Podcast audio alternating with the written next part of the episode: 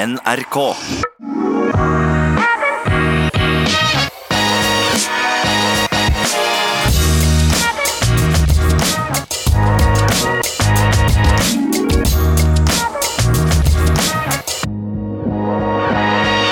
Hjertelig velkommen til I det lange løp. Ny uke, og det er bare å klemme til med en ny episode. Det skjer jo litt, litt av hvert i eh, løpeverden for tida, heldigvis. I dag skal vi møte en av de norske kvinnelige løperne som har hatt størst fremgang i år. Iallfall den som har nærmet seg eh, europatoppen eh, mest. Amalie Sæthen, som nylig løp 4.09 på 1500 meter, kommer for å prate om hva som har gjort henne bedre, og litt om hvordan hun begynte å løpe. Litt om hvordan hun eh, har trent de siste årene, så det blir jo utrolig spennende. Hadde det vært EM nå, så hadde Amalie Setten vært på startstrek for Norge på 1500 meter. Men før det, Christian, eh, hvor er det du har rota deg hen nå? Nei, det er jo ny tirsdag og ny eh, reisevirksomhet, så denne gangen har vi av alle utrolige ting funnet veien til Hamar. Så her er vi og bidrar med det vi kan, og det vi ikke kan. Ja, fjorårets eh, NM gikk jo opp uh, i Hamar, så det er jo ikke noe dårlig sted å løpe litt, det. Har du fått løpt litt langs Mjøsas bredde? Ja da, var i forkant der nede og prata med han eh, Sigurd Skjeseth, og fikk jo streng beskjed om at jeg måtte ned der på promenaden attmed det berømte stupetårnet og teste ut den der grusveien. Så jeg spente på skoene og gikk opp en liten bakke og satte klokka på 20 ganger 30 sekunder på og 30 sekunder av, og så var det bare å dunke løs. Og så eh, skal jeg jo innrømme at vi har vært i bedre form før, og virkelighetsoppfatninga har selvfølgelig òg vært bedre før, så vi åpna hardt. Og jeg hadde egentlig litt for høy fart på 30 sekunders pause også, så endte opp med at vi måtte gå litt i pausene på slutten, men vi holdt oppe trykket på, på det som var av på. Så 20 minutter på 4.06 med litt eh, varierende fartslek, det var det vi fikk til.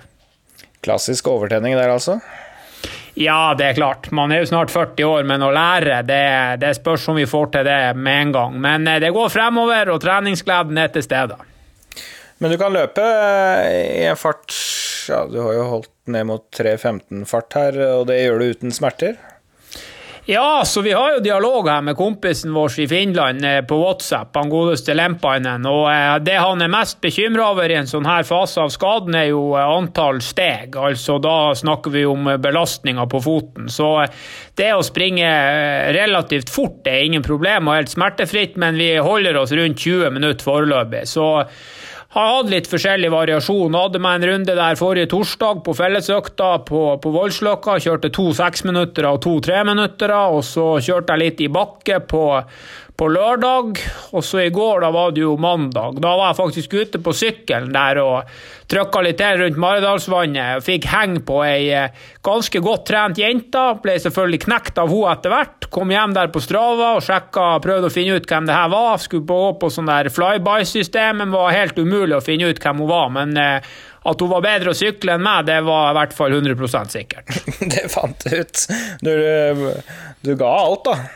Ble litt ja. irritert, det? Ja, sant. Jeg kom ned en bakke der, hadde ganske mye bedre fart enn hun, så jeg kjørte opp i ryggen, og så så jeg jo en lang hestehale, så tenkte jeg her må vi bare komme oss forbi, vi kan ikke drive og sykle i rygg på noen jenter. Og så sykla jeg forbi, og ja, pumpa nå litt på, så etter en par minutter snudde jeg meg, og det var jo ikke akkurat sånn at hun hadde sluppet. Og så gikk det en par minutter, og så blåste hun forbi meg, og da, da gikk toget, for å si det sånn.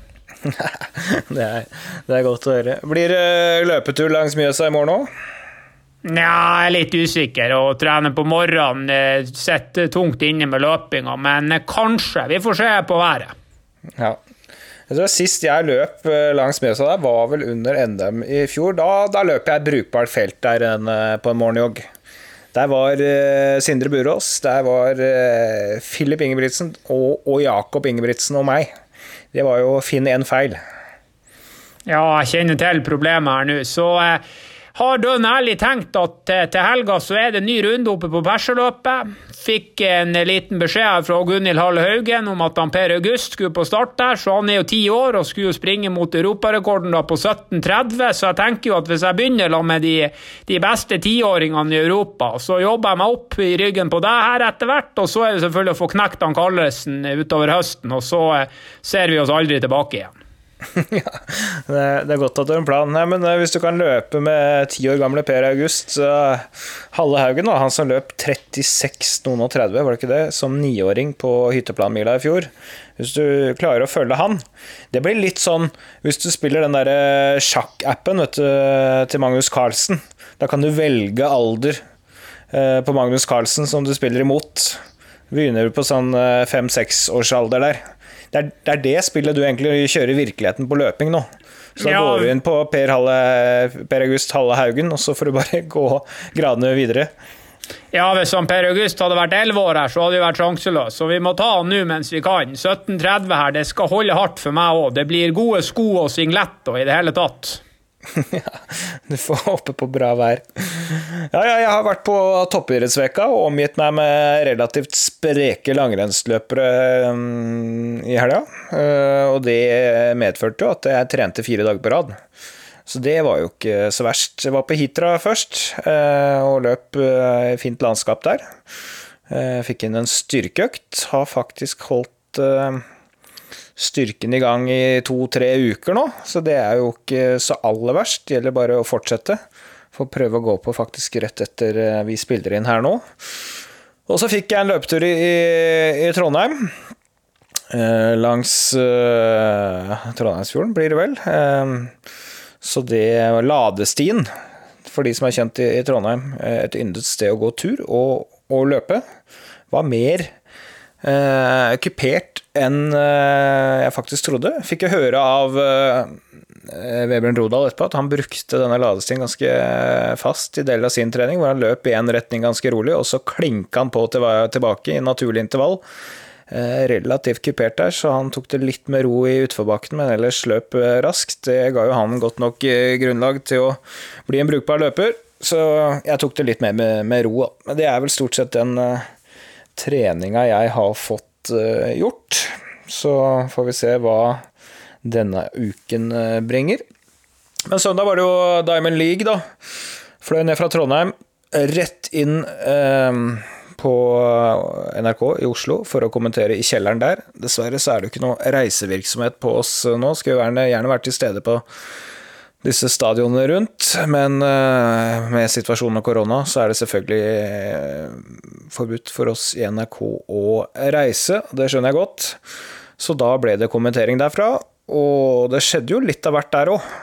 Karsten Warholm, uh, 46 87 helt aleine i teten der, i bane 8.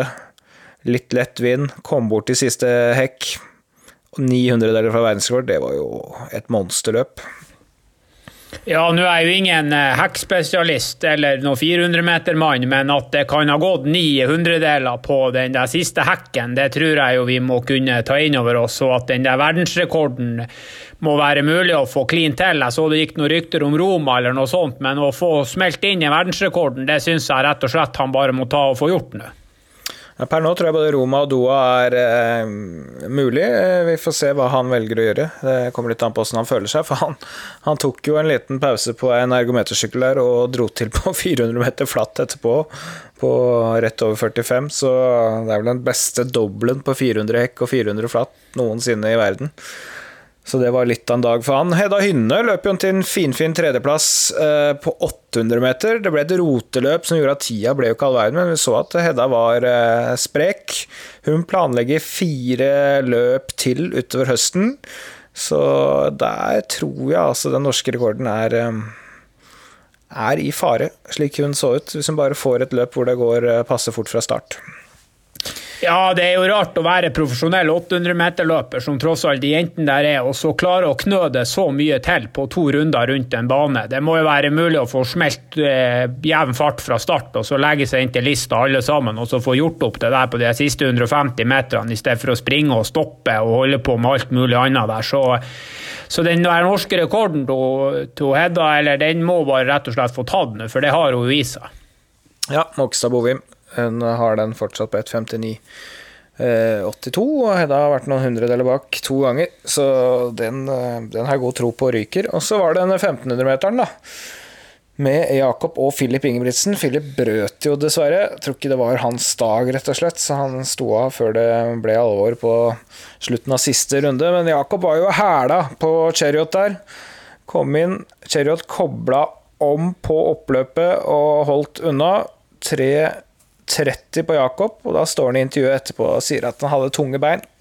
Når 19-åringer sier at de har tunge bein og løper 3.30 på 1500, da er vi i en litt absurd situasjon. Ja, det er åpenbart at han Jakob nå har han heva bunnivået og toppnivået, så nå gjelder det egentlig bare å finne en slagplan på hvordan man skal slå han der godeste Sherriot. Jeg fikk jo med meg der på NRK at du sa han leda 10-0 for løpet, så da er det jo dønn ærlig 11-0 her nå, men jeg tror rett og slett han Jakob og han og han Gjert må på tegnebrett, og så må vi fremme den der Hisham El strategien og så må bare begynne å gå 500 eh, meter før mål. Så må det rett og slett bare kjøres jevn fart inn der. Det tror jeg er eneste måten å slå han Sherriot på, men, men, det er vanskelig å slå han Sherriot. Han kan springe alle mulige løp, og det ser ut som han både kan spurte når han vil, og kan gå hardt tidlig når han vil. Han har mange kort i, i ermet, men Jakob sitt beste kort, sånn som jeg ser det for øyeblikket, det må være en, en grov langspurt. Litt den han prøvde på på 5000-meteren der i VM, og da var han nært å lykkes. Vi, vi får håpe han prøver på noe sånt. Ja, Da gikk han 300 meter før mål. Han gikk vel så kraftig at han uh, fikk, fikk, det litt, for å si det pent. Uh, nei, men det Altså, Cheriot har jo pers en tre sekunder bedre enn Jakob på 800 meter. Og så har han tydeligvis så bra utholdenhet da, at han har bedre enn pers enn Jakob også foreløpig. Og han tåler, ser det ut til, litt høyere utgangshastighet, for han åpna jo så hardt nå at Jakob liksom sånn småslapp, så fikk ikke helt ryggen hele veien de første to, to rundene. Og så har han noe å koble med på slutten, så det er ikke helt, helt lett å finne en strategi på han der. Veldig uforutsigbar òg, eh, i måten han gjør ting på. Eh, men Jakob er så vidt i gang med karrieren, så at Jakobs tid kommer, det gjør det. Men om det blir allerede i høst, så at han klarer å slå han, eller eh, om det blir eh, neste år, det får bare gjenstå å se. Men jeg tror Cherot er i bra form nå, så det er mulig Jakob har et grunnlag som holder litt lenger. Så hvis det møtes flere ganger utover høsten, så, så kan det være håp. Ja, det går vel rykter om eh, en ny mulighet i Brussel på dem også? Gjør det. Det er lite som er helt hugget i stein ennå, men vi håper jo på det. Og apropos Brussel, der ser det ut som at Hedda Hinne også kommer til å løpe. Og Sondre Nordstad Moen skal ut mot Mo Farah på én times løp. Mo Farah, som også meldte seg som hare til London Marathon siste uka. Han skal dra de som skal ta OL-kravet, dvs. Si to 11.30-gruppa, rundt og rundt i St. James' Park. Begynner å ta på seg eh, arbeidsoppgave ikke sett han gjøre før nå, Mo Farah. Ja, enten så har han et, eh, et ærlig sånn her PR-behov i en litt sånn ruglete sesong her, eller så begynner det å bli tynt på kontoen. Det siste har jeg jo litt, for å litt ondt for å tro på, men, eh, men at han Farah skal være harde på de her to 11-30-guttene, det må være den dyreste haren som noen gang har vært i London. Ja, Han sa han var i London en uke, at det passa bra med treningsprogrammet hans. Så han får jo en kvalitetsøkt ut av det. Jeg er litt spent på hva slags form han har. Han sa at den siste store, ordentlige hardøkta før eh, timesforsøket i, eh, i Brussel, den var i dag. La ut et bilde der. Så får vi se. Hvordan går det med Nordstad Moen, da? Du har vel eh, kontakt med mannen i Nord-Italia? Nei, det går bra med gutten fra Trondheim. Han var jo selvfølgelig litt eh, trøkt etter eh, Kristiansand, både med tanke på skotøy og media, og selvfølgelig den eh, ja, den påkjenninga det der tross alt var. Men så er det jo ofte sånn at når folk får slappa litt av, så, eh, så, er de litt rustne i starten, og så kommer maskineriet i gang her etter ei lita uke med, med, litt på og av med trening. Så Gjennomførte en 35 km langtur der de siste fem kilometerne eh, gikk på tre blank i noen tunge, halvdårlige sko, så det var jo imponerende ned i den der dalen. Og så har han gjort litt jobb på bane òg, så, Så får vi se her om han rett og slett stiller opp i piggsko han også, eller om han stiller opp i de der andre joggeskoene. Han hadde ikke helt bestemt seg for det, men, eh, men det blir jo ikke en X-prosentsko. Så, eh, så er han jo også litt spent på den farta til han far av dem. Det har vært lite informasjon, men det vi tror er at det blir jevn fart mot eh, Haile Gebrselassie sin verdensrekord, og så en eh, sinnssyk eh, sisterunde på han farer, av, både for å vinne løpet og for å avgjøre det. Men han eh, Bashir Abdi, som også er påmeldt, der er jo ingen hvem som helst, så han eh, Farah skal være, han skal være skarp og skal være på jobb hvis det her skal gå inn. altså. Det er Både han Sondre og han, og han Abdi er gode løpere nå, så det er ikke bare å stille opp det her sånn som i gamle dager for han Farah. Bashir Abdi er jo opp som Mo Farah, opprinnelig født i Somalia. Abdi representerer Belgia og har hatt en meget stigende kurve i det siste. Vant den ikke Tokyo Marathon, det var 2.04. Så um, Tror han ble nummer to i Tokyo, men han løp ja. 2.04, ja. Ja, sånn var det. Du vinner jo ikke, vinner jo ikke automatisk på 2.04 lenger. Det er i hvert fall uh, oppsiktsvekkende hopp i prestasjon da, i Tokyo. Så det kan bli hardt i seg selv. Det kan bli tre mann der, som går veldig lenge. Og, og, på et timesløp så er det sånn at det skytes et skudd når det er ett minutt igjen. Da gjelder det å følge med. Det er eh, det samme som når ringes for klokka når det er en runde igjen i, på vanlige øvelser. Så når det skuddet går, da, da er det bare å uh, bite sammen tenna og, og, og håpe på det beste. Det er klart, Skal man slå han Farah, så bør man helst være kvitt han når det skuddet der går. Ellers så tror jeg jo han er tung, tung å ha med å gjøre på en siste runde. Men det blir spennende å se. Vi er jo litt eh, vi er jo litt eh, interessert her på hva det er slags andre folk som kan dukke opp. Jeg har hørt litt rykter om den ene og den andre. og Han der Sofian Bolshiki er også påmeldt nå. og Så får vi se om det dukker opp noen i, i siste time her. Det begynner jo å bli svært tynt med alternative løp for, eh, for folk hvis de ikke skal springe 1500 meter i Diamond League. Var det ikke snakk om den europeiske rekordholderen på 10 km halvmaraton, Julian Wanders? Ja, det var han jeg også hadde hørt litt om. og det, For folk som har Strava, så går det jo an å gå inn. Nå har faktisk han Sondre òg begynt å laste litt opp på Strava, så eh, det tyder jo på at det skjer ting med han òg. Men han Wanders det er noe av det mest absurde du kan se på Strava. Så hvordan det går an å springe såpass fort hver dag og så eh, ikke være i nærheten av han Jakob på, på banen. Så er det flere måter å trene på. Det er i hvert fall sikkert. Ja, sveitseren Julian Wanders som har Er det 59-10 ca. 59-13, jeg husker ikke helt. Ja, men det er på europarekorden på, på halv, i hvert fall. Så um, det er en rask mann å følge. Du, vi har snakka om litt internasjonalt. Vi skal tilbake på norsk grunn, holdt jeg på å si. En av de som har eh, imponert mest av eh, norske løpere, som eh, tar steget nærmere nærmere europaeliten, er jo Amalie Seten, 22 år gammel, fra Kristiansand. Og vi hadde henne på testløp tidlig i vår, når vi søkte etter noen som kunne løpe fortere enn den norske bestenotering på 5 km gate. Og hun eh, meldte seg jo og klinka til med rett over 16 minutter. Det var tøft gjort, og siden har det gått fortere og fortere. Helt til hun løp 4.09 i Finland for ikke så lenge siden. Hva, hva tenker du om eh, dagens gjest?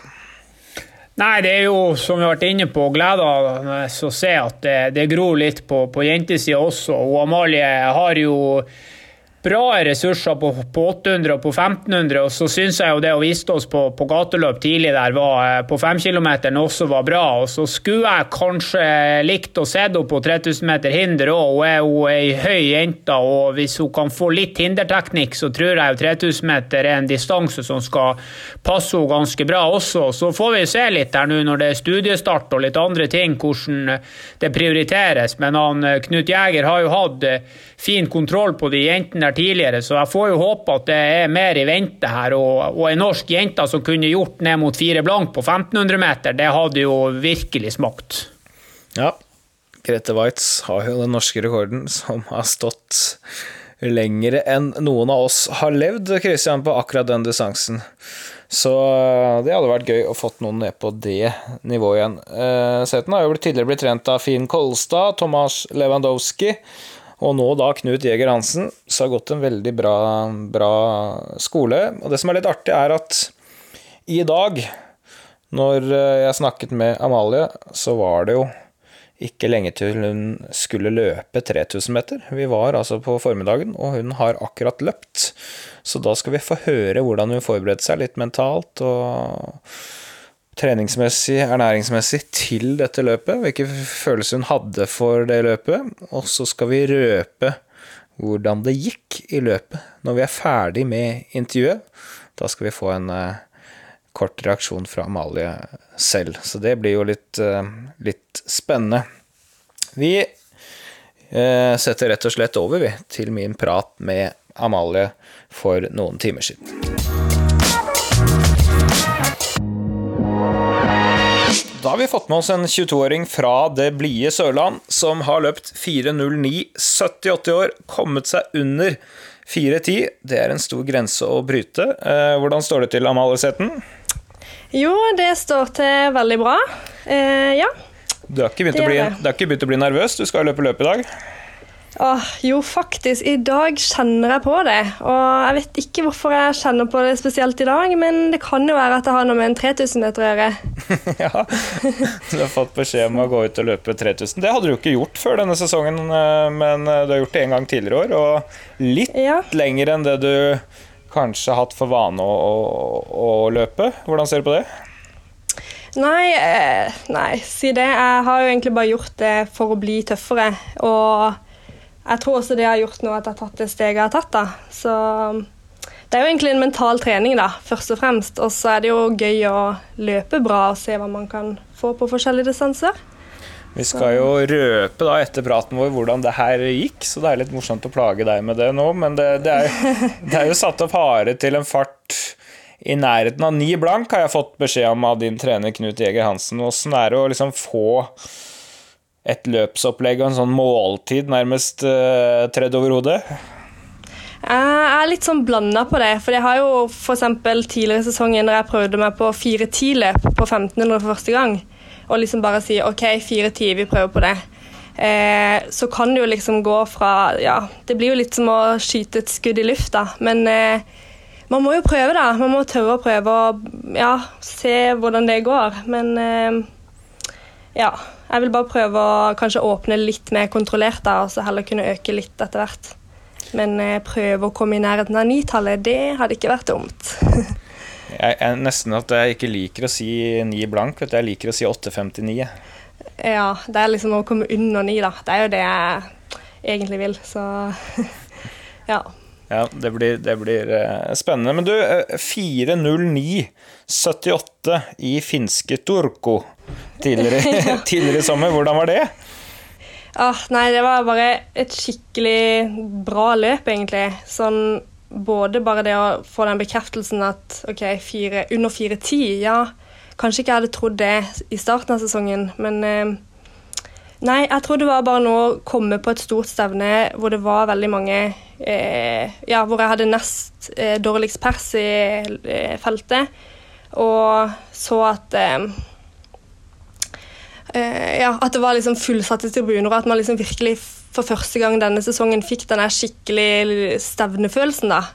Så ja. Det var helt, eh, helt nydelig. Måtte til Finland for å få litt publikum, ja. Det er spesielle ja. tider. Men, men, det, de, men, det, at du liksom var litt sånn underdog, da, med en av de svakeste persene i feltet, gjorde det det litt lettere å angripe? Hadde du alt å vinne, på en måte?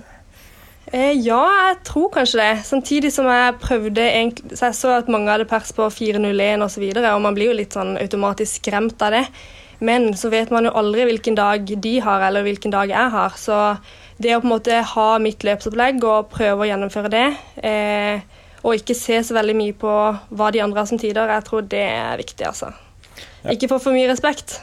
Nei, for du endte jo ikke akkurat nest sist i løpet. Nei, så ja. Jeg er fornøyd med det løpet. Ja, og dette er jo så bra at hadde det vært europamesterskap i disse dager Det skulle jo eh, vært Ja, skulle vel starta egentlig i dag, tror jeg. Eh, ja. I Paris så hadde du vært en del av det norske laget. Hva tenker du om det? Åh, jeg tenker liksom sånn Det er litt bittert, men samtidig så er det litt for alle, liksom. Men eh, det hadde jo vært en syk opplevelse å liksom fått mitt første store seniormesterskap, da. Og det å tenke liksom EM i Paris, ja, det høres ikke dumt ut, det, altså. Nei, jeg syns det tror jeg hadde vært uh, veldig, veldig gøy. Men du er jo 22 år, da. Det kommer jo et europamesterskap, eller ti, etter det her òg. Ja, sant. Jeg får motivere meg med det. Du, eh, jeg googlet deg og tenkte at vi skulle gi svar på de to vanligste tingene folk googler deg for. Oi, Vet du hva det er? hva er det? Nei, hva er det? Det ene krever litt tid, så det skal vi ta litt senere. Det er Amalie Sæthen og trening. Vi må jo komme Oi. litt inn på hvordan du trener. Eh, Det blir spennende. Ja. Det andre er Amalie Seten, høyde. Eh, Mener de høyde som i hvor høy jeg er, eller høyde som er hoppa høyde? For jeg har fått eh, spørsmål om om jeg har vært høydehopper før, så Det var, også det var også på engelsk height, så jeg tror det er rett og slett okay. hvor, hvor høy du er. Det er jo litt kjappere å ta, liksom. Ja, OK. Um, jeg er 1,83,4 sist gang jeg målte meg, og det vil si at jeg har vokst 1 cm det siste halve året. Og det var noe jeg ikke trodde Jeg trodde ikke man ble høyere etter man var 22 år. Så jeg er 1,83,4. Da fikk vi svar på det. Eh, et langt steg. Men du, vi må komme litt inn på hvordan du egentlig begynte med, med løping. For du drev litt med ballidrett når du var mindre.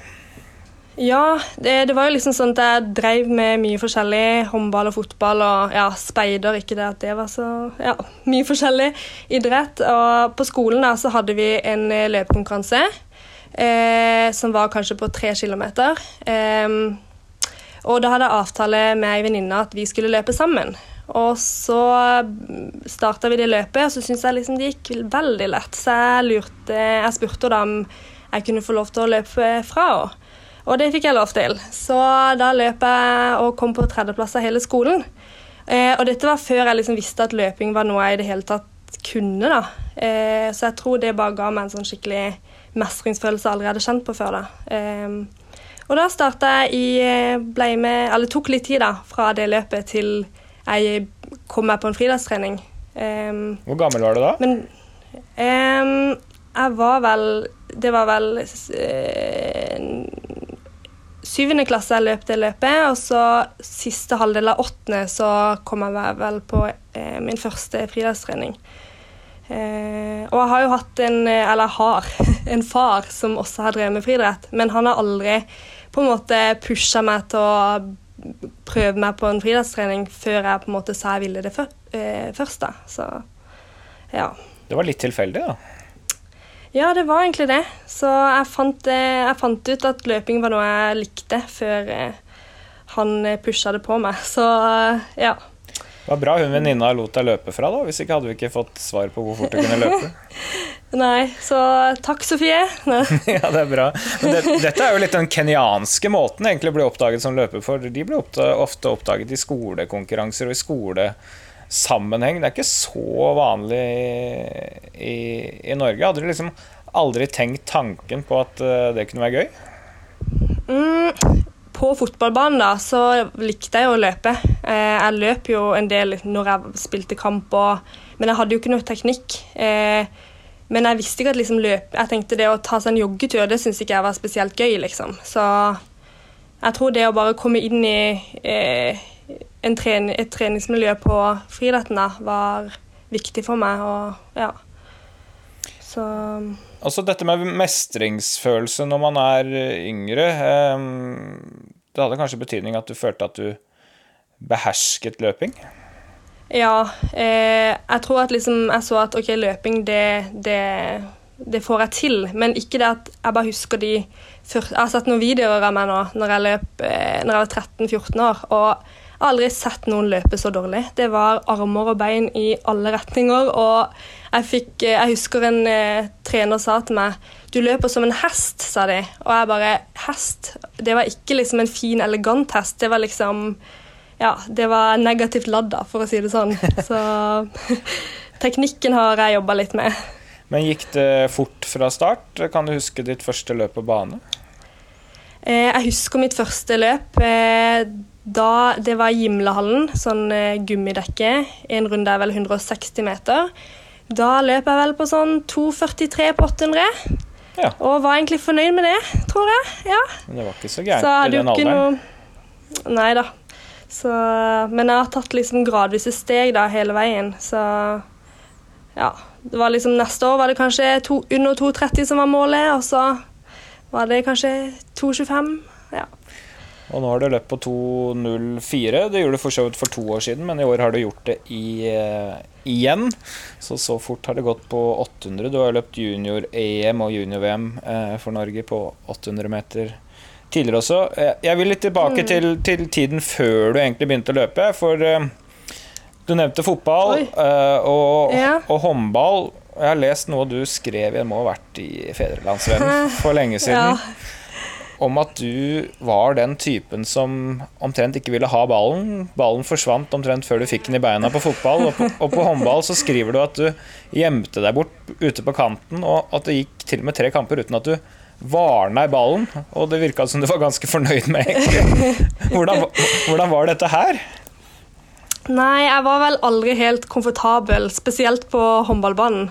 Så jeg fant liksom aldri den roen, og jeg var kanskje litt, hadde litt for mye respekt med, for de jeg spilte mot. Så jeg fant aldri den der mestringsfølelsen som jeg gjorde når jeg starta med løping. Eh, også, men på fotballbanen, og det var gjerne sånn du gjorde fordi alle vennene drev med det. Så det var jo egentlig en sosial greie uten at, jeg på en måte, uten at det hadde noe som helst med prestasjon å gjøre. Hvis du skjønner. Så Ja. Men, ja, det var men bare trivdes du på banen, eller var det rett og slett eh, rent sosialt? eh, ganske sosialt, men samtidig så hadde jeg det jo gøy. Spesielt på fotballbanen. Jeg var mer glad i fotball enn håndball. eh, så ja, så det var bare en mer sosial greie, da. Ja. Sånn sett. Men Norge har ikke gått glipp av noen stor eh, håndballspiller. Absolutt ikke. Det har de Nei, uff. jeg er glad jeg slutta. Ja, det var bra. Du fikk løpt skole, skoleløpet. Um, Ja. Hvordan Hvilken betydning syns du det sosiale har innen løpinga? Det er jo en ensom idrett på mange måter, men eh, allikevel så, så er det jo hjelp i miljøet.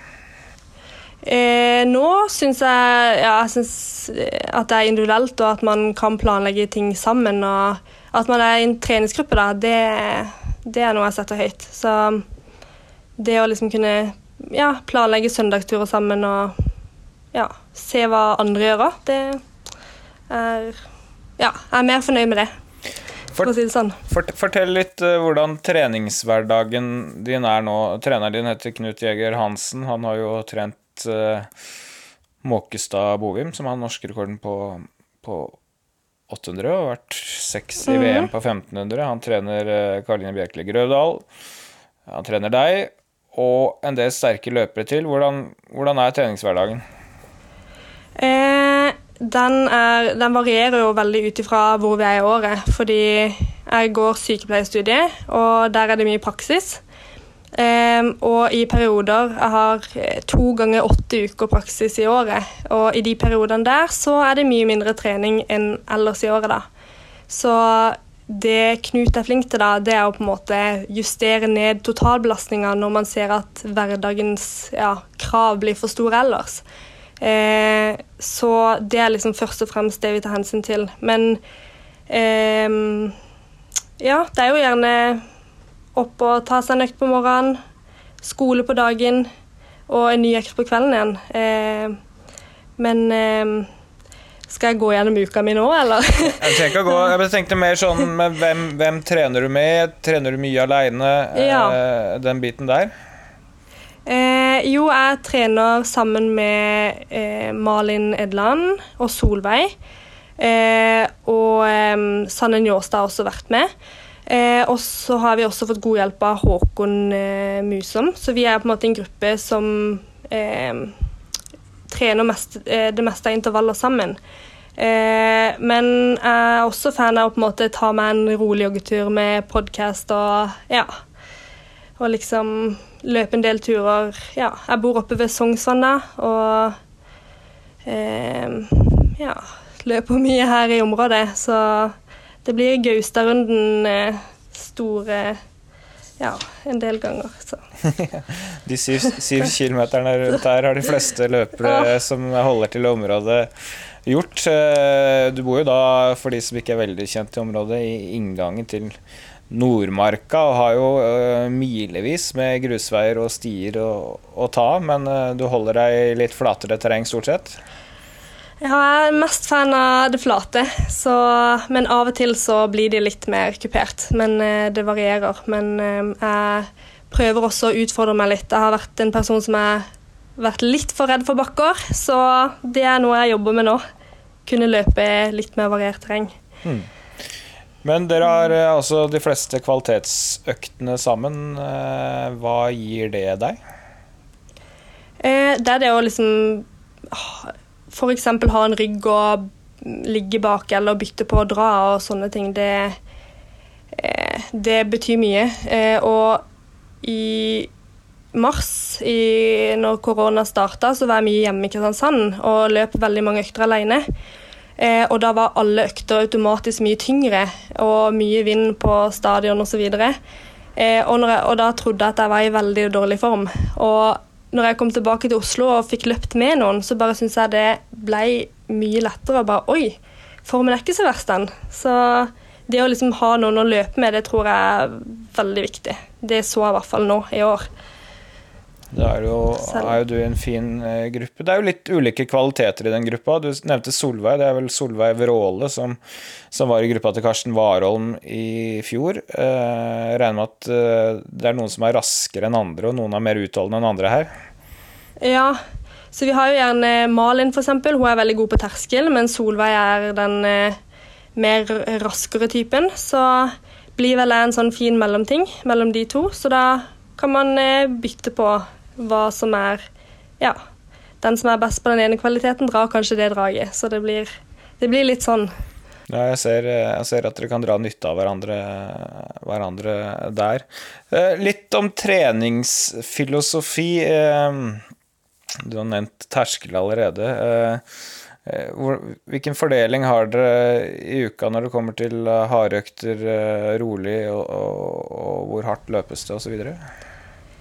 Eh, vi gjør på en måte ikke noe sånn veldig hokus pokus. Eh, vi har vanligvis liksom tirsdag, torsdag, lørdag som intervalldager, da. Og eh, det, for eksempel første året jeg trente med Knut, var det mye mer fokus på terskel, mens nå må, når vi på en måte har kommet inn i det, så er det litt mer eh, har jeg sett at eh, vi prøver så mye som mulig, eh, altså så mye som vi tåler i spesifikk fart. Eh, F.eks.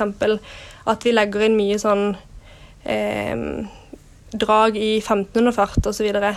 så eh, tirsdager blir liksom eh, terskel og noe litt over terskel, og det har vi på torsdager òg. Og så er gjerne lørdag en dag med litt mer eh, anerop, da. Ja. Så Og så resten er det påfylla rolig, og så har vi faktisk fri hver eneste fredag uansett, nesten. Helt fri. Ja, hva syns du om det?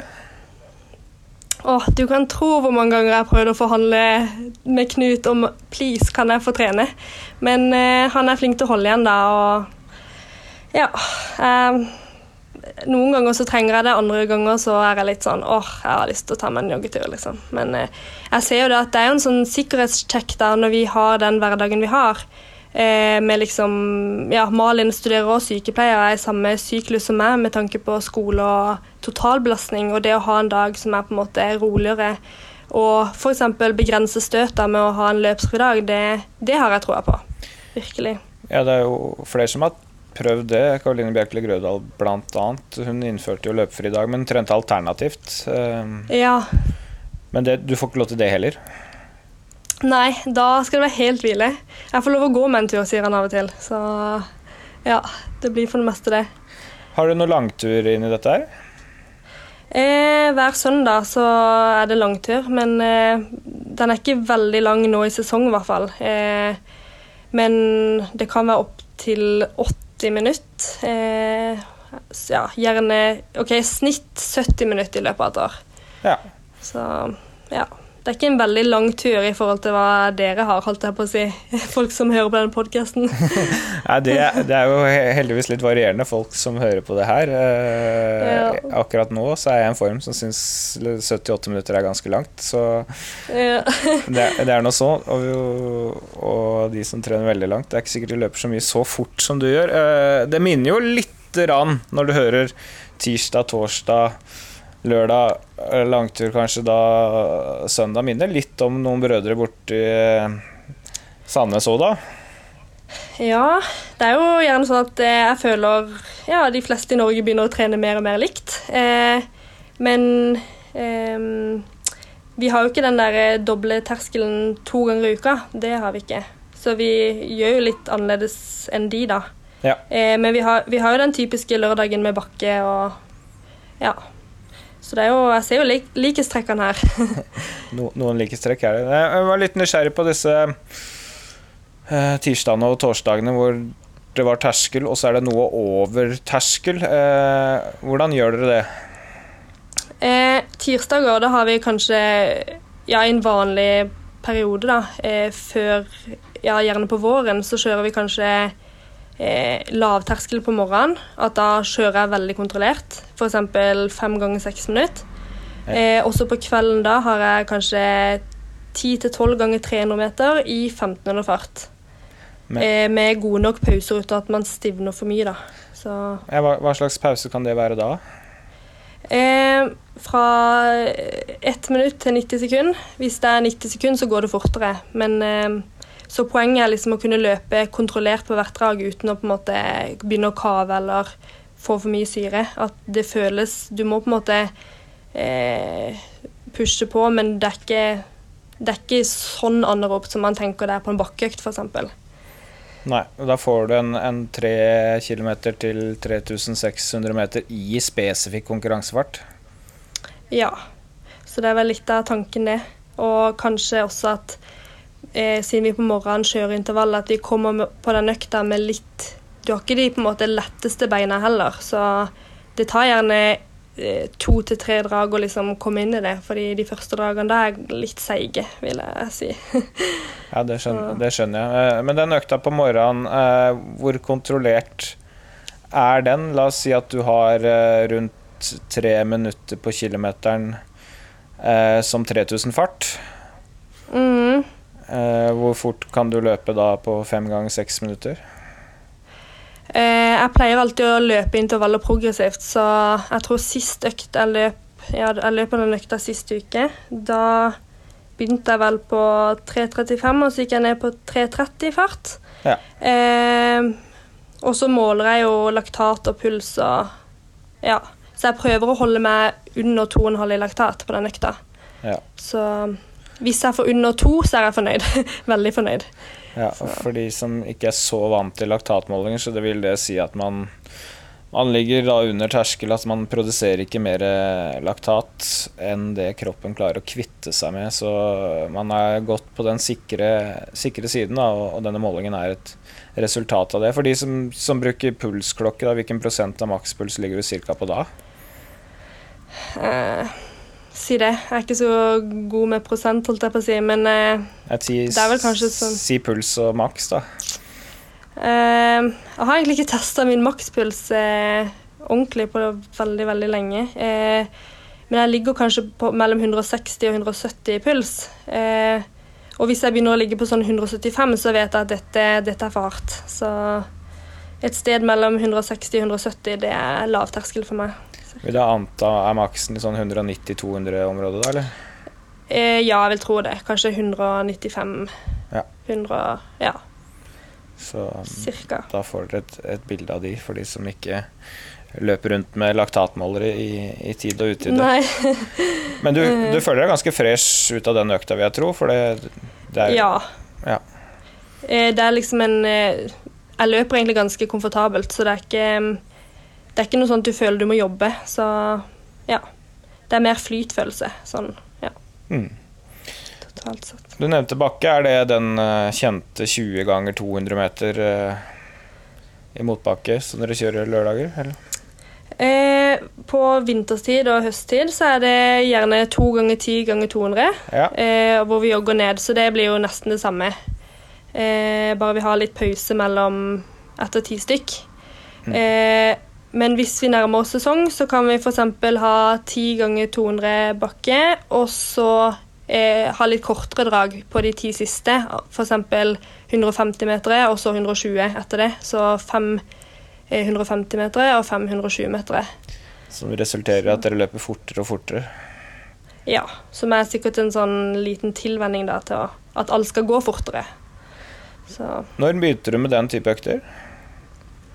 Eh, Bakke tenker du på, eller? Ja, sånn, sånn korte bakkeøkter Å, à la. Ingebrigtsen, som du tydeligvis gjør på vinteren og litt imot mot sesong. Ja, Har du gjort det? eh, det er vel eh, liksom De bakkeøktene starta vi vel med, med når vi starta å trene med Knut, men det å på en måte løpe kortere eh, drag, da, sånn 150-120 meter, det, eh, det er gjerne sånn et, i mars, ja, Ja. etter påske. Så blir det litt mer spesifikt, da.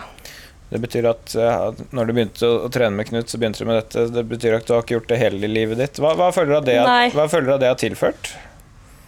Eh, jeg syns bakke er en veldig sånn fin måte å eh, på en måte jobbe anaropt på, uten at det koster for mye.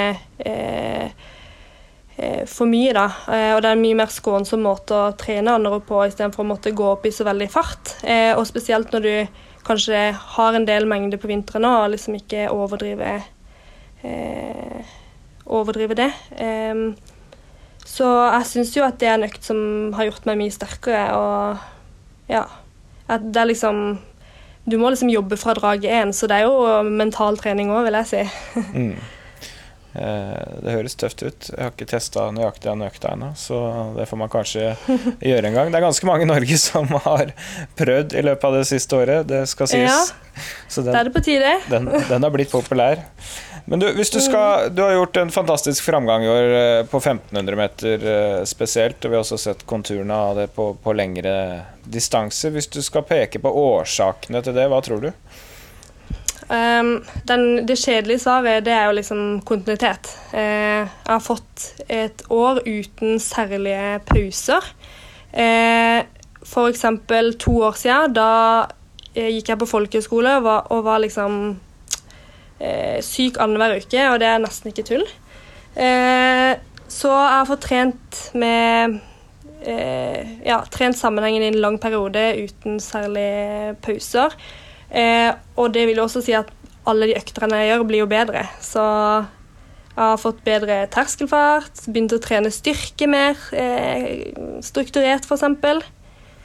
Og ja, på en måte eh, blitt tøffere, da. Eh, fordi tidligere så har jeg også vært eh, veldig, veldig forsiktig. Eh, og det er også med tanke på det at jeg var kjemperedd for å bli skada. Eh, så nå har jeg på en måte funnet den gylne balansen med at OK, det her må jeg ta alvorlig, og det her, må, det her går bra, liksom. Nå kan jeg fortsette å løpe. Så Jo, og det der med å utfordre seg og bli tøffere, f.eks. det å løpe lengre konkurranser, det er noe som jeg også tror har gjort at jeg har fått den fremgangen i år, da. Eh, fordi eh, nettopp det å eh, gjøre det jeg frykter, f.eks. det å løpe stille i NM-terreng i høst, eh, det er noe som har gjort meg tøffere, tror jeg. Eh, jeg husker jeg sa til de jeg bor med, eh, at jeg ville heller ha skrubba alle veggene i leiligheten enn å delta på NM-terreng. Så det, det, sier om, det sier litt om holdningen min. Så Det var din, Ja. var, det var ikke din idé, høres det ut som. Det var ikke helt min idé, men jeg gikk med på det, og jeg er glad for det. Det er jeg. Ja, for i år har du løpt uh, flere ting som er, er uh, lengre. Uh, må det mindre overtaling til hver gang nå? Ja, det definitivt. Så det er litt sånn gjøre det du frykter, og så går det bedre. Så man blir jo aldri bedre hvis du ikke tør å prøve, så det har jeg lært. Ja, men Det er bra. Det tror jeg er en lærdom flere kan ta med seg. Det er uh, Mm. sjelden man utvikler seg hvis man sitter hjemme og, og gruer seg. Så ja. Det er bare å kaste seg i det. Uh, virkelig. Men den styrketreninga var jeg litt nysgjerrig på. Uh, systematisk styrketrening, hva, er, hva består det av? Mm, det vil si at vi har liksom to dager i uka. Vi kjører styrketrening. Og da er det liksom bare mm, knebøy, hip trust og oppsteg eh, som vi kjører. Og har gjort det liksom siden i høst, var det vel. Eller var det Ja, jeg tror vi starta ordentlig med det i høst. Ja. Så Og har fått Jeg tror det har også gjort meg bedre og Ja. Jeg tror det er undervurdert, da. Men eh, som man ser det, det er jo i vinden. Jeg hør, har hørt på de tidligere podkastene med Thomas og Andreas og Ragnhild Kvarberg og alle sier jo at styrke, det, det burde flere prioritere. Og det er jeg helt enig i. Ja, for det, det, er litt hvordan du opplever den overgangen. Jeg er litt spent på. Jeg er jo blant de som har slurva som mosjonist på dette feltet gjennom mange år. Eh, ja. Men hvordan, hvordan, var det å begynne med det systematisk? Og, og kjente du noe virkning på sikt der, eller hvordan var dette? Mm, selve styr... Jeg syns liksom dagen Jo, kanskje de første gangene så kjenner man at OK, det tar litt på, men rest liksom, Når man blir vant til det, så syns jeg liksom ikke det Det er ikke spesielt tungt, og det går ikke spesielt utover treninga du gjør de neste dagene heller. Eh, I hvert fall måten vi gjør det på. Eh, eh, ja, så jeg føler at egentlig det bare har gjort meg litt mer robust, da. Og det tror jeg når jeg er så høy som jeg er, og jeg vet ikke om det har noe å si, men ja, at det er ikke dumt å få litt mer eh, styrke i beina. Ehm, og ja å bare få det inn i planen, det, det tror jeg hjelper veldig. Du, du, nevnte tre øvelser eh, der. Gjør dere det i etterkant av rolig løping? Legger dere inn som separat økt, eller hvordan gjør dere det? Eh, vi kjører gjerne styrke på onsdager, og det er jo gjerne mellom en intervalldag, eller to intervalldager blir det. Ja. Um, så da løper vi først rolig, og så tar vi styrke etter det. Um, og så har vi også det på lørdager på kvelden, faktisk. Etter vi har hatt bakke på morgenen. Så da er man allerede litt sånn tung i beina. Eh, men vi gjør det med Ja, jeg vil si vi kjører Eller i starten så kjørte vi fem ganger fem reps, f.eks. på knebøy. Ja. Eh, mens nå kjører jeg fire ganger åtte reps, og så er det liksom ganske tungt å halve Eh, men uten at man blir veldig pakka i beina. Så det er liksom en sånn Jeg syns ikke det påvirker løpetreninga nå. Nei, når du sier halve, så skal du si at du går ikke helt ned 90 grader? Nei, så det blir liksom ja, halvveis ned til 90, da, kan jeg si. Ja. For å se det visuelt. ja. Nei, det er, jo, det er, jo, greit å vite det. Um, men det, det gjør at Det er ikke noe så veldig lang styrkeøkt, dette her? Hvor lang tid, lang tid, bruker du på styrkedelen i uka? Eh, det blir vel en, litt over en halvtime på hver økt. Ja. Eh, og vi kjører også noen hopp mellom, mellom disse knebesettene. Eh, så Og noen øvelser for hofteleddsbøyere, så det tar litt, litt lengre tid. Men eh, ja, det tar ikke veldig lang tid, så jeg tror det er noe mange kan få til. Nei, altså du, du, føler at dette hjelper og har vært med å gi deg framgang, og så har du brukt én time i uka på det. Så det er noe flere kan få til. Ja, absolutt. Og jeg tror eh, virkelig at det har noe skadeforebyggende for seg også. Mm. Det tror jeg på. Og så legger de inn lørdag kveld. Da er det jo ikke så folksomt på disse treningssentrene heller, så det må jo være fint. Nei, det anbefales. Deilig. Istedenfor å være ute og feste, mm, ja, det er en fin erstatning. Ja, nei, men det er, det er bra. Du, jeg lurte litt på hvilken øvelse tror du kommer til å bli din beste? Um, hvis du hadde spurt Knut Eh, så hadde han sagt 3000 eh, hinder. Neida, han, eh, han, elsker å tulle med det, men Jeg tror han mener det litt. Ja, ja han mener det litt, og så har jeg på en måte åh, Jeg vil ikke løpe 3000 hinder, men man vet jo aldri. Men jeg vil jo virkelig bli en god 1500-meterløper.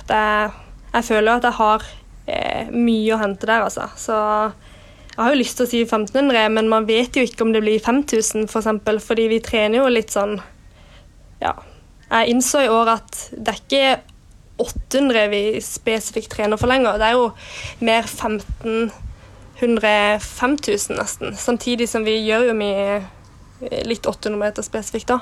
Ja. Eh, så det, det å tørre å tenke litt lengre distanser, det ja. Det kan være. Ja, Det er litt spennende. Du er jo fem sekunder fra norgesrekorden på 800, og så har du gjort stor framgang på 1500 og virkelig blir bedre på lengre distanser. Så, så det er litt vanskelig å, å spå, eh, rett og slett.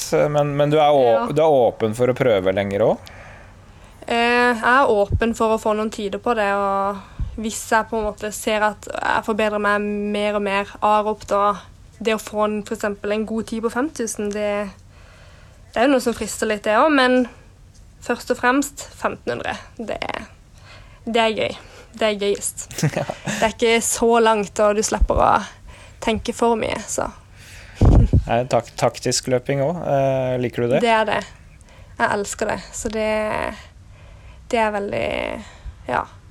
Det er liksom noe med det å Også det å lære å løpe forskjellige distanser, da. Og jeg starta å løpe 1500 for to år siden, så jeg føler meg fortsatt ganske ny. Og det å liksom lære å løpe ulike distanser, det tar litt tid, det òg, altså. Liksom Skal du starte hardt? Skal du starte rolig? Eh, ja, det er noe du, du må lære å kjenne. Så jeg tror man trenger litt, litt tid på det. Ja, det tror jeg. Og så 3000 hinder, i hvert fall. så, Ja. men uh, hadde du vært villig til å prøve det? Det høres ut som at kanskje tror du som er såpass høy, som kan bare stege over disse hindrene, hadde hatt noe der å gjøre?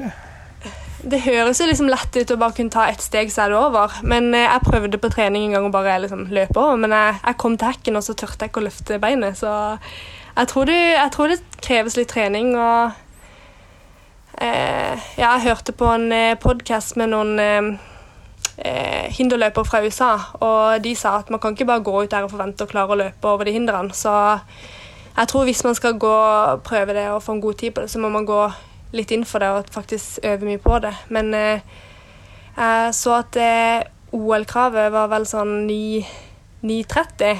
Mm. Eh, og føler at det liksom ikke var helt uoppnåelig heller, så det frister litt å liksom prøve. Men så skal jeg gå ut her og si at jeg skal løpe hinder, for det skal jeg ikke. Det, det høres ut som du har tenkt tanken, for det ja, la, meg si, la meg si det sånn, da. Du skal løpe 3000 meter i kveld. Eh, Det vet vi svar på hvordan det gikk når denne podkasten kommer ut. Eh, Og hvis du gjør 8.59 der, så er det jo sånn Ja. at de sier at de som er gode på hinder, da kan du legge på ca. et halvminutt. Oi, ja. Så da kan du regne selv i forhold til det OL-kravet, da. Mm, hvis man legger på et par fall i vanngropa der, så kan det hende det blir lenger. Men eh, ja. Det er jo litt fristende, da. Men ja. Nei, hvorfor sier jeg det her? Jeg skal ikke å løpe hinder. Nei, det var du som nevnte OL-kravet. Da, da, da, eh, da må du jo inn og ha studert listene, så det tyder på at har Ja. Tenk, det. visste ikke Jeg har jeg vært inne og sjekka. Ja, men det er bra. Du har jo en kjæreste også som har gått fra 1500 til å begynne å tenke maraton nå, så det er jo du har, Ja, du her har, er det store steg. her, Det fins folk som tar enda større steg. Ja, uff. Det steget der hadde jeg slitt mer med å ha tatt, så Ja, det skjer ikke. Det kan jeg i hvert fall si. Ja. Alt, alt, tiden, alt til sin, Mm. sin tid. Nei, men det er bra. Ja. Eh, Du, når du løper eh, Du skal jo løpe da i 7-8-tida i kveld. Nå er klokken to. Åssen er det du lader opp til et kveldsløp? Eh, sånn eh, da, dagsrutiner eller treninger før, tenker du på? Ja, Jeg tenker den konkurransedagen, ja. Altså, det er jo, Ja. Noen syns det er lenge å vente. Eksempel sa Therese Johaug når hun skulle løpe på Mm. Bislett at det var jo forferdelig å konkurrere på kvelden. Hun ble jo nervøs i så Ja. mange timer. Mens eh, friidrettsløpere er jo mer vant til det. Ja, jeg er mer der at jeg liker at det er seint, fordi da vet jeg at jeg fungerer bedre. Eh, men eh, jeg pleier alltid å prøve å sove så lenge som mulig og spise en god frokost og slappe litt av. Eh, og eh, gjerne gå ut og løpe med et kvarter og ta litt drilløvelser, kanskje litt spensthopp for å skape litt spenning og føle meg litt mer klar, og et par stigningsløp. Eh, og så er det egentlig bare å slappe av og gjøre rutinene og ikke prøve på så mye nytt. Men eh, i dag har jeg sittet med litt skole nå som skolehverdagen har starta, så da blir det litt som det blir. Ja, da får du brukt hodet litt, slipper å tenke på løpet hele tida.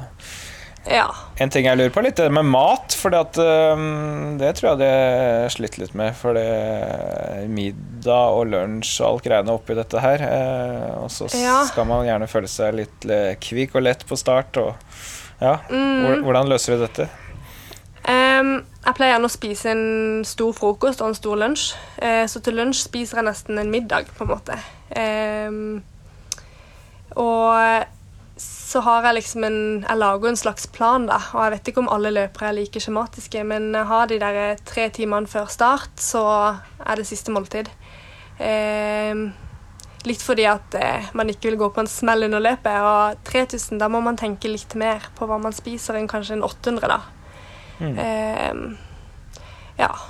Så er det bare å liksom ha den spise jevnt gjennom hele dagen og ikke gjøre noe hokus pokus, og egentlig bare gjøre det jeg vanligvis gjør. Så bortsett fra det å spise middag til lunsj, det pleier jeg egentlig ikke. Nei. Litt ekstra hensyn sånn sett. Ja. Ja. Det, det funker. Og så er det liksom det å bruke litt tid på å lage lunsj, og da får du dagen til å gå, ikke sant? Så det er vinn-vinn. Åssen er du som konkurransetype? Er du et veldig konkurransemenneske, eller er du mer avslappa til det? Jeg føler egentlig ikke jeg er en veldig konkurranseperson, sånn når jeg hører hvordan andre kan være. Eh, men når jeg kommer der og får eh, Og nervene er på plass, så skal jeg jo prøve å vinne. Det er jo Ja. Da blir jeg liksom mer konkurransemenneske, kan man si. Blir du veldig nervøs, eller klarer du det? Eh, det varierer også veldig mye. Eh, tidligere denne sesongen så har jeg måttet sagt til folk ok, sorry, jeg må jogge alene på oppvarming, ta på musikk, prøve å gire meg opp og bli nervøs. Ja. Og, så da har jeg på en måte måttet gjort motsatt. liksom Komme til det nivået med å kanskje eh, prøve å motivere meg mer også for å løpe fort. Eh, og også være, prøve å komme skikkelig inn i sona. Mens andre ganger så vil jeg gjerne jogge med noen på oppvarming og liksom roe meg ned, da, for da er jeg kanskje for nervøs. Så ja, det varierer. Men eh, denne sesongen kanskje pga. det har vært en del aleneløp og tomme tribuner osv. at det har gjort noe med nervøsiteten. Jeg vet ikke. Ja, det kan hende. Men du jobber iallfall Mm. aktivt med å finne riktig spenningsnivå. Da. Det er jo interessant. Ja, veldig aktivt. Så, så du kjenner det på deg selv hva du trenger. Ja, det gjør jeg. Mm. Ja, det, det er spennende. Du, hvilke ambisjoner har du som løper?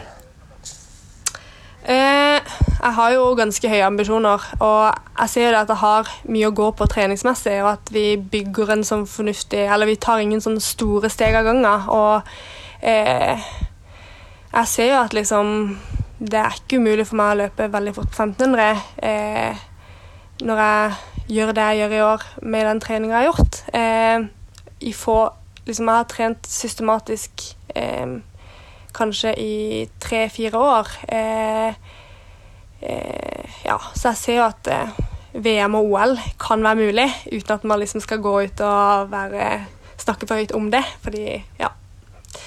Men jeg har høye ambisjoner, det har jeg. Det er viktig å ikke sette begrensninger. Og det, er, det er jo noen nordmenn som viser for tiden at det er mulig å løpe fort på 1500. Det er mulig å få litt inspirasjon, kanskje. Ja, absolutt. Det motiverer, for å si det sånn. Det gjør det. Så er du i et, et treningssystem som, som minner litt òg, så det må jo være litt spennende. Og det å liksom være i et system som jeg vet funker, da. Eh, jeg vet jo at eh, Knut har trent både Ingvild og Karoline, og ikke sant. Det, det er jo en bekreftelse, det òg, å se at det de fikk til, at de trente kanskje ganske likt som meg. Så det motiverer. Ja, Det blir spennende å, å følge deg. Og så er det jo ikke mange timer til du får neste svar på hvordan du ligger an. Hva, hva tror du selv? Mm, jeg har vært eh, litt tung de siste dagene. Eh, så med en gang jeg føler meg litt tung, da mister jeg litt troa. Men samtidig så ser jeg tilbake på løp eh, tidligere hvor jeg har følt meg skikkelig tung dagen før konkurranse, og så har det likevel gått bra. Så jeg håper jo på å være rundt nitallet, da. Det gjør jeg. Så vi får se. Jeg håper det blir en god løpsopplevelse. Sånn sett. Jeg har sett deg løpe 1-3000 før i år. Da løp du 9-13, men opererte som hare i starten og holdt igjen veldig før du gassa på litt på slutten. Da så vi at det var masse å gå på. Og et, Ja. etter det så har du øh, løpt veldig raskt på 1500, så jeg er optimist, da.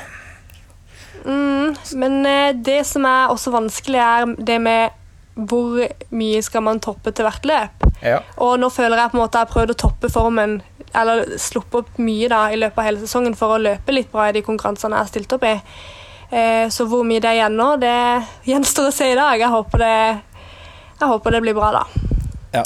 Det er sjelden jeg snakker med løpere eller andre utøvere rett før de skal prestere, og de er skråsikre på hvordan de kommer til å gå. De fleste snakker seg litt ned, så det, det er Ja. bra. Det som er, For deg som følger med, så skal du få svar på hvordan det gikk om, om to minutter. Så bare følg med. Ting går fort her, fort her i podkastverden. Um, hva, hva tenker du om, eh, om, om resten av denne sesongen? Eh, nå er det på en måte NM da, etter denne 3000-meteren, som er det store målet. Så jeg vil jo si at jeg har veldig lyst på min første NM-medalje, altså individuell NM-medalje. Så det er vel det store målet. Og så etter det blir det vel en del mosjonsløp. Fordi det ser jeg jo at er bra for formutviklinga. Så du, du, du må ut på litt lengre distanser utover høsten. Ja, jeg må visst det igjen. Søren heller. Men NM, hva løper du der, da? Eh, jeg tror jeg kommer til å melde meg på 1500 og 800. Eh, I fjor så dobla jeg, og da følte jeg det gikk sånn eh, halvveis på begge. At eh, 800-meteren dagen etterpå ble litt for hard. Eh, at jeg kanskje ikke var helt klar for det. Eh, så jeg tenker å melde meg på begge deler og så se hvordan, eh, hvordan ståa er dagene før, om det går bra med trening osv. Så, videre. eh, så jeg tror nok det blir en dobling i NM, men det kan også være at det bare blir 1500. Ja, Men eh, når, Knut, når Knut hører på nå, så blir det begge deler. da får vi se. Da, men vi, vi ses i Bergen, da. Yes. Tusen takk for at du eh, var med i, i det lange løp. Veldig trivelig å ha med en som har eh, opplevd så stor framgang i år. Og, og takk for uh, gode råd. Så får jeg og dere som hørte på, ta til dere noe av dette. Så kanskje det blir framgang på oss også. Ja, veldig gøy å være med. Da får du ha lykke til i kveld. Snart kommer svaret på, på hvordan det gikk.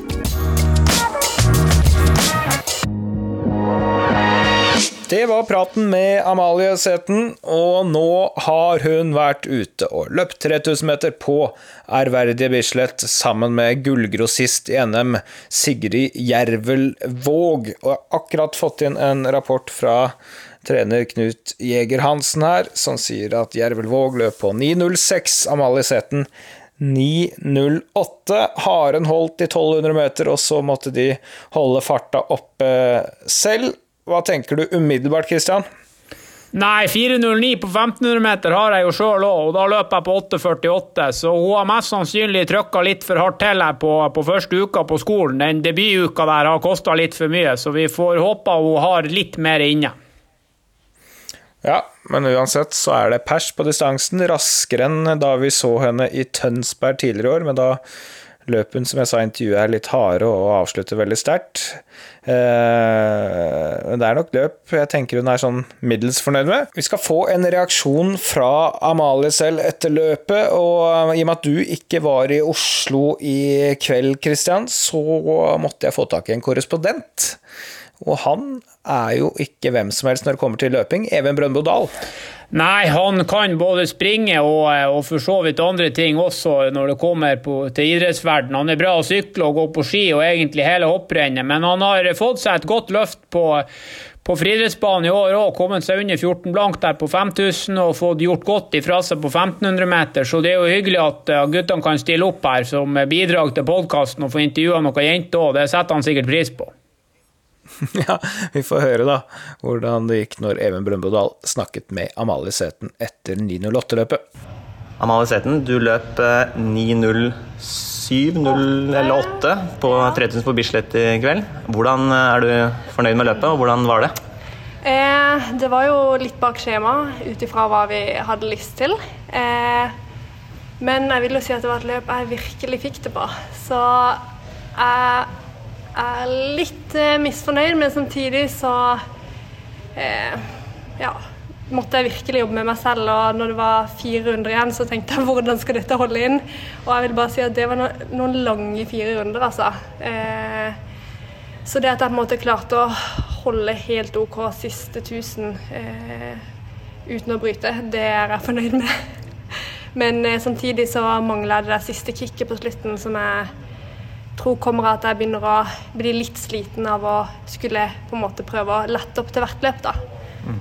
Så nå blir det bra å begynne å trene litt og få litt grunnlag til NM, tror jeg. Høres bra ut. Hva er neste løp på programmet? Neste løp blir vel NM, tror jeg. Hvis ikke jeg velger å ta et par løp bare for eh, treningas skyld. Ja. Tror jeg. Fornuftig. Men eh, som sagt så blir jo alt litt sånn Plutselig bare slenger man seg ned på noe, så vi får se. Hva syns du om eh, disponeringa i dag, da? Dere hadde vel eh, halvveis eh, passering rett over 4.30. Dere sikta vel på 9 blank. Var det, ja. Syns du det var billig, eller var det tungt? Eh, jeg syns det var tungt. Eh, men som sagt, jeg prøver Jeg har starta en sånn ny taktikk når jeg løper løp nå, og prøver å se minst mulig på klokka. Eh, så um, ja. Nå. Og når Sigrid gikk forbi, hva tenkte du da? Eh, fordi vi og Sigrid hadde en liten sånn deal om at eh, hvis jeg bare skjønte at ok, nå går det saktere og saktere, så sier jeg ja. Så da klarte jeg å presse ut et lite ja på utpust. Så eh, da dro hun opp, og jeg, jeg, hadde mer enn nok med å henge på henne siste del av løpet. Så ja, jeg vil si at eh, Sigrid så sterk ut og fikk til det lille kicket som ikke jeg fikk til, men absolutt det, det er motiverende å se. Nå løp du jo 3000 uten noe hinder. Hva tror du, hvis du frister til å løpe med hinder en gang, og hva tror du du kan klare der? Etter i dag, ut ifra hvordan jeg fikk det på 3000 flatt, så tror jeg ikke det hadde blitt noen målgang med hinder i veien. Så endrer den tankegangen fra tidligere i dag. Da legger vi den død. Ja, takk. Ja, Da fikk du høre hva Amalie sa selv. Kristian, hva sier du da?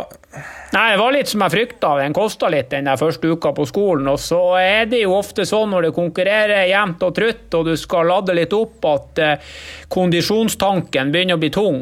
Og når det er tungt på en 3000 meter, så er det jo ofte de to-tre siste rundene, og da begynner det jo å og koste på kondisjon. Så jeg tror jo hun er inne på en riktig meny nå fremover òg. Det å få trent litt og gjøre seg klar til NM, så tror jeg jo at vi har litt bedre tider i vente på hun òg, faktisk.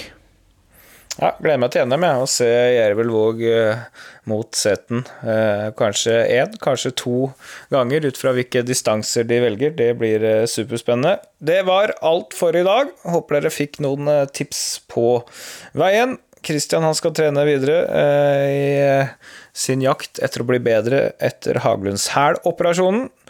Jeg får prøve å trimme litt på Romerike. Følg oss gjerne på Instagram, NRK i det lange løp. Takk for at du lyttet. Velkommen tilbake om en uke.